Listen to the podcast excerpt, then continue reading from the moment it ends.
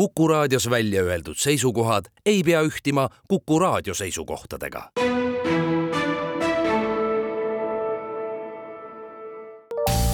terviseks. saade valmib koostöös Ida-Tallinna Keskhaiglaga. vaata ka itk.ee tere, head Kuku kuulajad, eetris on saade Terviseks ja kui me eilses saates rääkisime õendusabist ja äh, sellest, et äh, kust läheb piir õendusabi ja hooldusasutuse vahel, siis äh, tänasel teemal jätkame. mina olen Ingela Virkus ja koos minuga on stuudios Ida-Tallinna Keskhaigla õendus- ja hooldusabikliiniku direktor Eve Karmo, tere taas! tere jälle!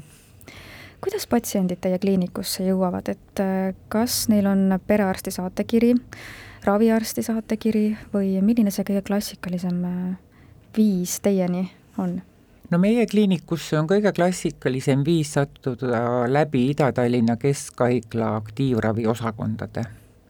et, et lõviosa oma patsientidest me saame aktiivravist, viimasel ajal on uus trend, me oleme päris palju patsiente hakanud saama otse erakorralise meditsiini osakonnast, selle suve lõpus on hämmastav natukene ka see, et päris palju on hakanud tulema või toom-, sattuma EMO-sse hooldekodude kliente, jälle omastele jaoks on see kohati keeruline, sellepärast et ega hooldekodu ei võta siis kuidas öelda, oma klienti nii-öelda supilt maha, et ta ei saa ju kohta teisele ära anda, ta peab ikkagi ootama, kas see klient tuleb tagasi või ei tule ja siis omastel ongi ongi keeruline maksta nii hooldekodu eest, kus küll siis vist toiduraha arvestatakse sellest päevarahast maha, kui ka õendusabi eest. ja vahepeal ütlen jälle, et statsionaarse õendusabi omaosalus on päris kõrgeks kasvanud. vaatasin huvi pärast eh, natukene ajaloos tagasi ja kui kahe tuhande kolmeteistkümnendal aastal oli see omaosalus ühe voodipäeva eest õendusabis kuus eurot ja kaheksakümmend seitse senti, mis tegi siis umbes kakssada, kakssada kuus eurot kümne või kolmekümne päeva eest. esimesel jaanuaril kaks tuhat kakskümmend kolm oli see juba kuusteist eurot üheksa, nelikümmend üheksa senti vahepeal on ta kogu aeg tõusnud, eks ole, mitte niimoodi hüppeliselt ei tõusnud, mis tegi siis kolmekümne päeva maksumuseks nelisada üheksakümmend neli eurot ja seitsekümmend senti, neljandast juulist kaks tuhat kakskümmend kolm.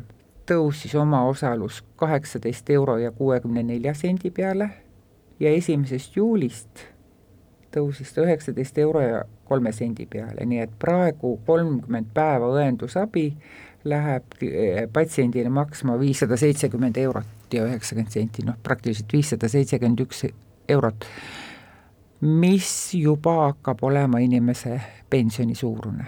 miks need summad niimoodi tõusevad? seadus kohustab, nimelt äh, ravikindlustusseadus näeb ette, et äh, viisteist protsenti õendusabi voodipäeva maksumusest maksab patsient.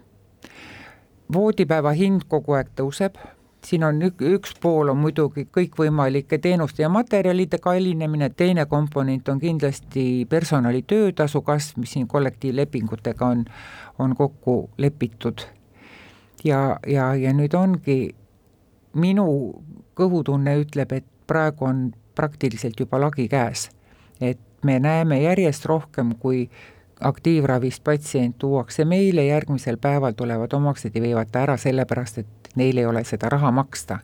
ja see on hästi valus, sest et teiselt poolt see on jälle suur koormus kiirabile, EMO-dele ja aktiivravile, sest et, et kui patsient ikka tõesti vajaks seda õendusabi, võib-olla ka lühemat aega, aga, aga ikkagi vajaks, kui ta siis läheb koju, siis ta on mõne aja pärast jälle, kutsutakse kiirabi, on EMO, tehakse uuringud, heal juhul on mõne päeva aktiivravis ja, ja niimoodi see ring käib. et selles suhtes eh, sai, rääkisin ma jälle ka Tervisekassa inimestega ja palusin järjekordselt, et võetaks midagi ette, et see omaosalus kuskil mingisugusel hetkel külmutatakse, et, et inimesed ei jääks nüüd raha pärast ilma selle statsionaarse õendusabi teenuseta. et see on, see on niisugune minu südamevalu koht kust läheb ikkagi see piir või, või ülesanded just meeskonna poolelt siis vaadates, personali poolt vaadates, et mida tehakse õendus- ja hooldusabikliinikus, mis on nende roll äh, patsientide juures? alustame hooldajast. hooldaja ülesanne on jälgida, et patsient oleks pestud, et hügieenitoimingud temaga oleks tehtud, et ta voodi oleks korras, et tal mähkmed oleks vahetatud õigeaegselt.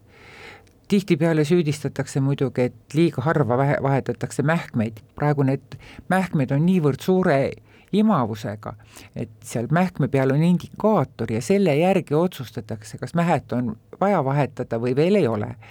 ilma, et see noh, liigniiskus nahka kahjustaks. ja ütlen täies usus, et ega meie töötajad ei ole huvitatud sellest, et patsient äh, oleks kaua märgade mähkmetega, sest et äh, kui meie oma ülesandeid korralikult ei täida, siis tekivad lamatised, haavandid, põletikud, mis iganes. ja sellest me ei ole mitte üks põrm huvitatud, sest see teeb meie töö oluliselt raskemaks. aga muidugi samas ütlen ka seda, et lamatiste teket täielikult ära hoida ei ole ka võimalik, sest paraku töö on tellija materjalist tihtilugu, et kui organismi kõik jõuvarud on ammendunud, siis jah, tihtipeale ei annagi, ei annagi kõiki halbu asju ära hoida. aga noh, selline see meie töö on.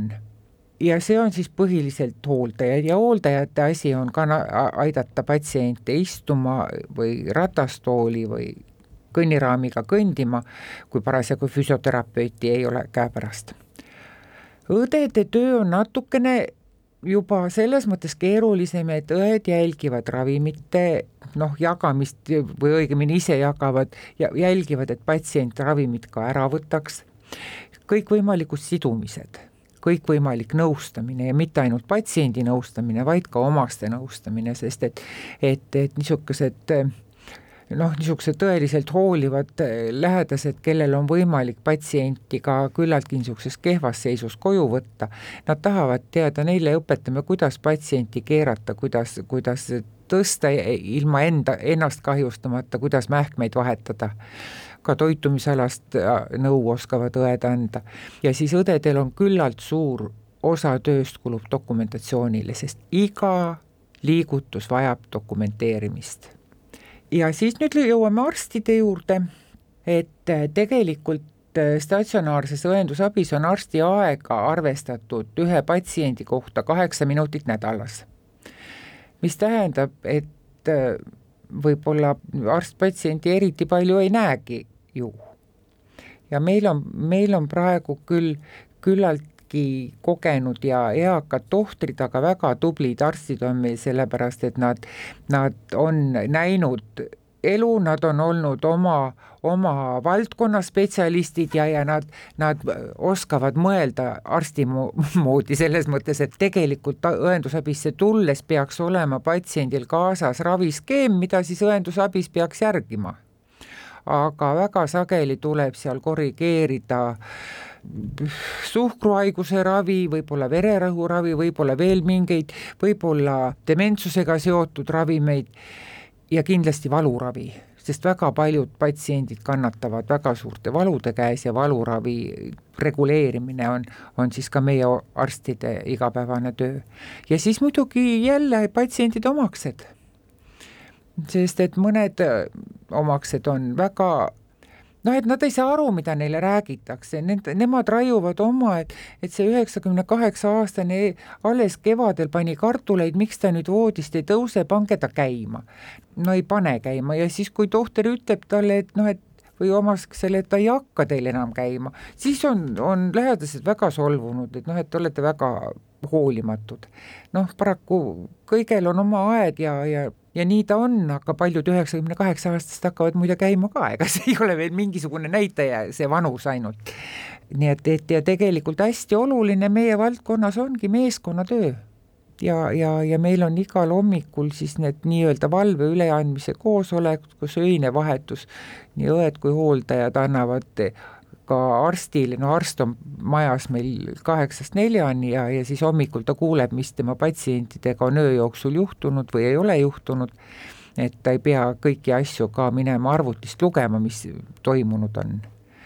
et selles suhtes jah, see meeskonnatöö on hästi oluline ja siis on meil veel sotsiaaltöötaja, kes on jah, ka väga ülekoormatud, ütleme nii. ma tahtsingi just sinna jõuda, et, et meeskonnatöö on oluline, lähedastel on oluline roll, me rääkisime eelmises saates sellest, et mis siis saab nendest patsientidest, kes teie õenduskliinikust lahkuvad, aga mis saab nendest, kellel ei ole lähedasi? no vot, siin tulebki mängu meie sotsiaaltöötaja, ta võtab ühendust siis patsiendi elukohajärgse sotsiaaltöötajaga ja siis hakkab asjade ajamine.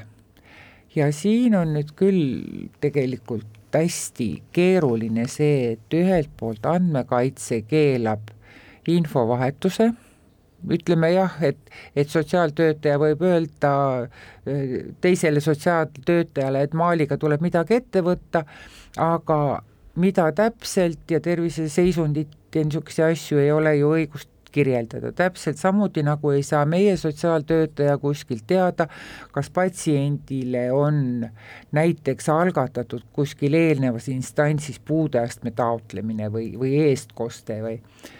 Et, et see, see niisugune sotsiaalhoolekande ja tervishoiu vaheline side on endiselt hästi nõrk aga noh, siiamaani me oleme ikkagi hakkama saanud ja linnaosade sotsiaaltöötajad, noh, kuna Milvi on meil ka juba väga pikka aega töötanud, et, et väga paljud asjad saab korda noh, tänu lihtsalt sellele, et inimesed on koos kaua töötanud ja üksteist mõistavad ja aitavad.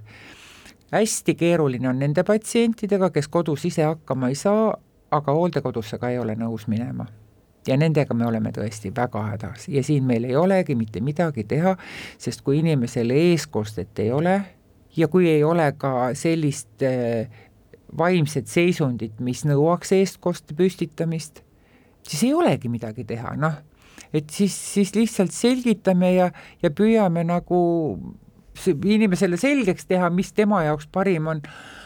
Ja kui ta kodu on vähegi elamiskõlbulik, siis ta sinna koju ka tagasi läheb ja, ja siis peaks kohalik omavalitsus pakkuma talle siis seda koduhooldusteenust, noh, sellega on ka, et, et seda pakutakse küll ja, ja natukene võimalusi on, aga noh, sageli jääb sellest väheks ja kahjuks osa neid, neid inimesi on ka teistpidi elu, elu hammasrataste vahel, ehk on nad siis alkoholismi küüsis või, või mingid muud probleemid on niisugused, et eh, ei olegi võimalik kellelgi neid aidata. et, et selles suhtes on, on küll jah, nii, nii sotsiaalhoolekandel kui meil on, on väga vähe võimalusi lõpuni inimest aidata, eriti kui ta ennast aidata ei lase ja üks teenus, mida veel Tervisekassa ka tasustab, on see koduõendusteenus ja, ja üldiselt sageli, kui on ka niisugused haavad, haavandid või või kergemat sorti lamatised või, et need, nendega saab kodus ka hakkama, aga siis kindlasti peaks kas läbi perearsti või, või läbi aktiivravi taotlema seda koduõendusteenust siin jagub teemasid ja mõttekohti rohkemgi, millest me kindlasti ühel hetkel räägime, aga tänaseks aitäh teile saatesse tulemast, Ida-Tallinna Keskhaigla õendus- ja hooldusabikliiniku direktor Eve Karmo ning palju jõudu nii teile kui kogu teie meeskonnale! aitäh teile! terviseks! saade valmib koostöös Ida-Tallinna Keskhaiglaga. vaata ka itk.ee